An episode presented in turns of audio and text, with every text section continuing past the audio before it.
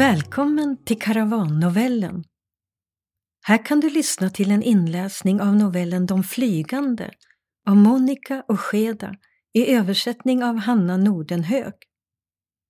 Monica Ojeda är en framträdande röst ur Ecuadors yngre författargeneration. Hon är inte tidigare översatt till svenska.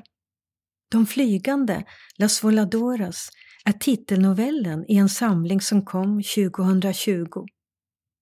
Ojedas berättelse utspelar sig i både urbana och lantliga miljöer och cirklar kring åtrå, våld, makt och sårbarhet.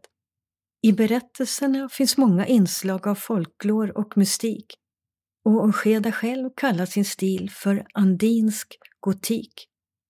I en intervju i Karavan säger hon att hon som författare är besatt av att tänka på våldet och begäret. Novellen som följer är en inre monolog, surrealistisk och drömlik. De flygande är snabba och de undkommer allt. De har bara ett öga, men kan gråta. De är en skog som tar sig in i huset. De flygande är inte några vanliga kvinnor. Novellen publicerades i Karavan 2020. Här läses den av Gert Lundstedt.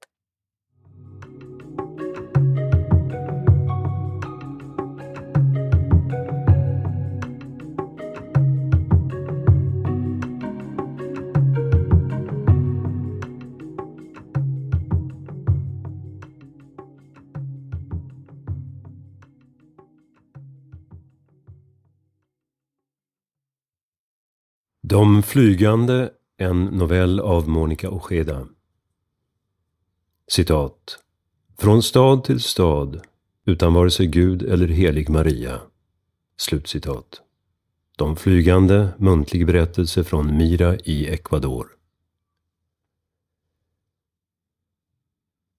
Sänka rösten?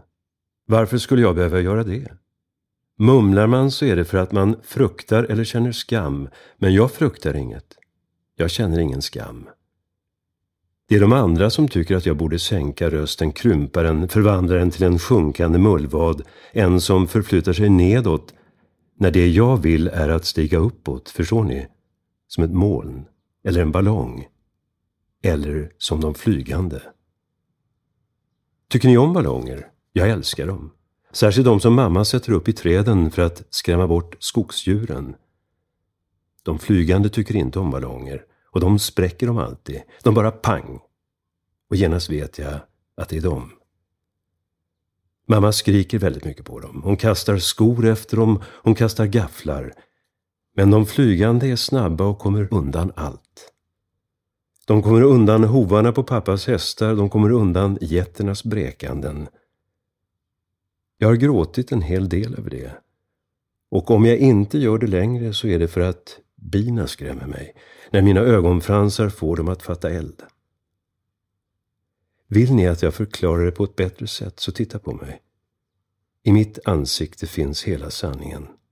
Den som inte består av ord, utan av gester. Den som är materia, den som hörs och känns. Ni ska få se. Det är sant att de flygande inte är några vanliga kvinnor. Till att börja med har de bara ett öga. Det är inte det att de saknar det andra. De har bara ett enda öga som cykloper. Jag drömde om en av dem innan hon tog sig in i vårt hus genom fönstret i mitt rum. Jag såg henne sitta orörlig medan hon lät bina dricka av hennes tårar. Det är inte många som känner till att de flygande kan gråta. Och de som gör det säger att häxor inte gråter på grund av känslosamhet utan på grund av sjukdom. Den flygande tog sig in gråtande med sitt enda öga och förde med sig surrandet till vår familj. Hon hade med sig berget där de som lärt sig lyfta från marken flämtar på ett fruktansvärt sätt med armarna utslagna och honung strömmande ur armhålorna. Pappa ogillar hennes doft av vulva och sandelträ. Men när mamma inte är där smeker han henne över ländryggen och frågar henne saker som är väldigt svåra att förstå och upprepa. Om mamma är med försöker han istället jaga henne ur huset genom att sparka på henne. Han spottar på henne, han tar av sig bältet och slår mot dörrarna och väggarna som för att få dem att jämra sig. I hemlighet lämnar jag fönstren öppna på natten för att lyssna till trädens böner.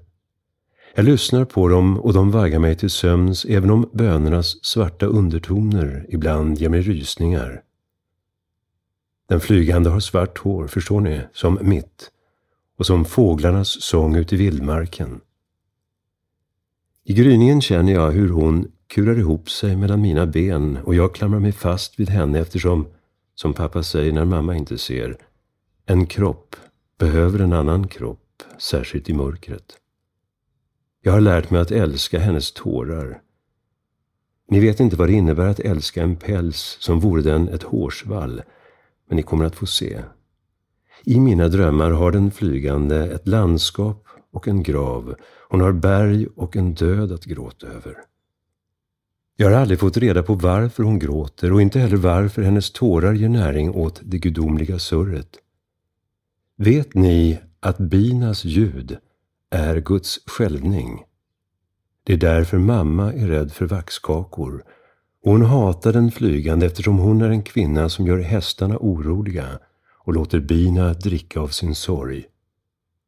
Hon är inte vår, säger hon och svettas medan hon fingrar sig över halsen. Vi vill inte ha hennes tystnad. Men då tittar hon på mamma med sitt enda öga utan att säga något. Det är den där frånvaron av ord som besvärar hästarna mest. Getterna blir tvärtom lugna när den flygande kommer med en bisvärm efter sig och fuktar jorden med sin klagan. Jag förstår inte varför mamma hatar henne och samtidigt iakttar henne med röda och heta kinder. Jag förstår inte varför hon gör pappa hård innanför byxorna. Berget är de flygandes riktiga boning, ett hem som alltid har berättat viktiga saker för oss. Men hemma hos mig är det förbjudet att närma sig det. Enligt mina föräldrar är det en helgedom med fruktansvärda ljudet, oväsen av hud, naglar, näbbar, svansar, horn, tungor, gaddar. Dit flyger alla mormödrar, mödrar och döttrar som kommit vilse. Men det som skrämmer mig mest är växternas ljud. Det där gröna prasslet som kallar till sig den flygande och drar bort henne från mina höfter. Min far var den första att visa mig att Gud är lika farlig och djup som en skog. Därför är våra djur tama och går aldrig genom stängslet utom en och annan häst som drabbats av heligt vanvett. När en häst blir galen, säger pappa, så är det för att guden som är i allt vaknar i djurets hjärta. Om något som är så stort som Gud öppnar ögonen bakom revbenen på dig, då löses du upp som damm i vatten och slutar att finnas till, sa han åt mig. Men den flygande är skogen som tar sig in i vårt hus och det hade aldrig hänt förut. Vi hade aldrig känt det heliga vanvettet så nära inpå och inte heller dess begär. För i grund och botten, tro mig, pratar jag om Guds begär. Naturens yttersta mysterium. Tänk er att ett sådant mysterium kommer in i ert hus och särar era höfter. Tänk er växterna när de svettas. Tänk er hästarnas svällande ådror. Den flygande gör så att pappa får fläckar på byxorna och så att mamma kniper ihop benen hårt. Hon gör så att jag smörjer in armhålorna med honung och går upp på taket för att pröva luften. Trots det älskar vi henne. Och kärleken är sin egen kunskapsform, förstår ni? Jag älskar hennes päls som vore den ett hår. Jag älskar hennes väsen.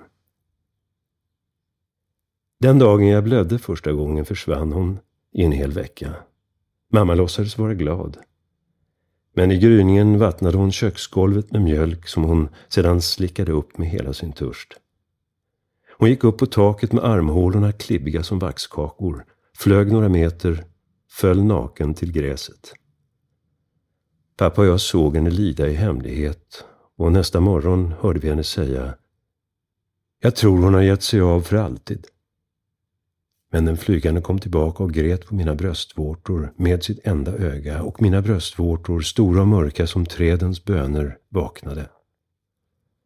Jag hoppas att ni förstår. Ett sådant väsen bär framtiden med sig. Och efter några månader svällde jag upp och alla hästarna blev som tokiga. Alla getterna sov. Ni måste förklara för församlingen att det var vad som hände att pappa blev förvirrad och att jag somnade till binas surr. Han svettades. Han tog på sig själv under byxorna. Mamma klippte istället av sig håret och begravde det vid foten av skogens äldsta äppelträ. Ni måste berätta för dem att den flygande gråter och spräcker ballongerna och tömmer vaxkakorna, men att jag älskar hennes päls som han älskar ett hårsvall. Vad gör man när en familj känner så olika och likadana saker samtidigt? Jag ber till himlen där uppe och häxans öga förvrids. Bina flyger upp. Vet ni vad vaxkakornas surr gör inuti blodet? Tårarna väter min kropp om nätterna. Jag somnar fortfarande intill den flygande och ibland tittar pappa som en delirisk häst ut mot stängslets oregelbundna linje där den avgränsar vårt hus mot slänten. Jag skäms inte för storleken på mina höfter. Jag sänker inte rösten. Jag är inte rädd för päls. Jag går upp på taket med fuktiga armhålor och öppnar famnen för vinden. Mysteriet är en bön vi åläggs att be.